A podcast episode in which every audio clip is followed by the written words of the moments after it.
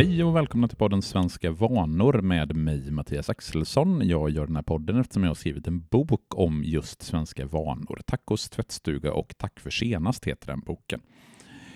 Eh, jag kommer idag att prata lite kort om Fars dag eftersom nu på söndag den 10 november så infaller Fars dag. Eh, och Fars dag det är en grej som liksom eh, morsdagsfirandet men även alla hjärtans dag och halloween har sitt ursprung i USA. Eh, första gången som Fars dag firades i USA det var 1910 och Det var en amerikansk kvinna som hette Sonora Dodd som 1910 genomförde det första firandet av Fars dag.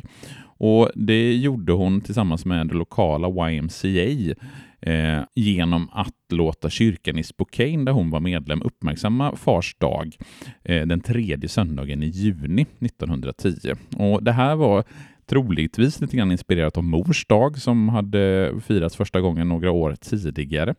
Sen slog det här igenom ganska rejält i USA. 1963 så blev det en eh, helgdag i USA eh, och firas då alltid tredje söndagen i juni. När firandet kom till Sverige på 30-talet så var det framförallt eh, genom olika affärsidkare som eh, lanserade en svensk farsdag. Men eftersom då eh, tredje söndagen i juni ligger väl nära mors dag så valde man istället att ta det den andra söndagen i november. Och första gången som jag har hittat belägg för Fars dag-firande det är i november 1932. Då finns det ganska många annonser i svenska dagstidningar för ett Fars dagsfirande. Bland annat ge far ett par stiliga och varma Bredenbergstrumpor den 9 november i Svenska Dagbladet eh, 1932. Sen så försökte man 1949, eller man bildade en nordisk, en nordisk kommitté av köpmän som skulle verka för att sprida första och komma, man skulle komma överens om ett gemensamt datum för Farsdagsfirandet i Norden. Det misslyckades och i Danmark så firar man Fars dag den 5 juni, samma dag som man har sin grundlagsdag, medan i de övriga nordiska länderna så är det den andra söndagen i november som man firar. Om ni hörde något i bakgrunden så var det min diskmaskin som lät. Eh, Firandet av Fars dag i Sverige det är egentligen en jättestor grej.